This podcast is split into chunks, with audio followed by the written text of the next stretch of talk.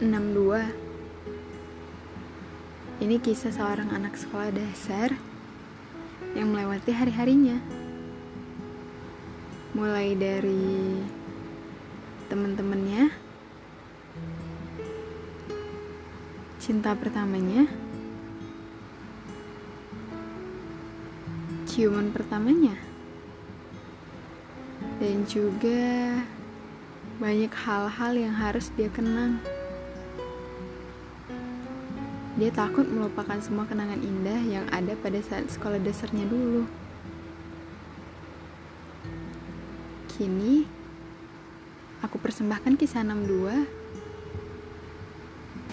untukku dan untuk kita agar bisa flashback lagi ke masa lalu. Sampai bertemu.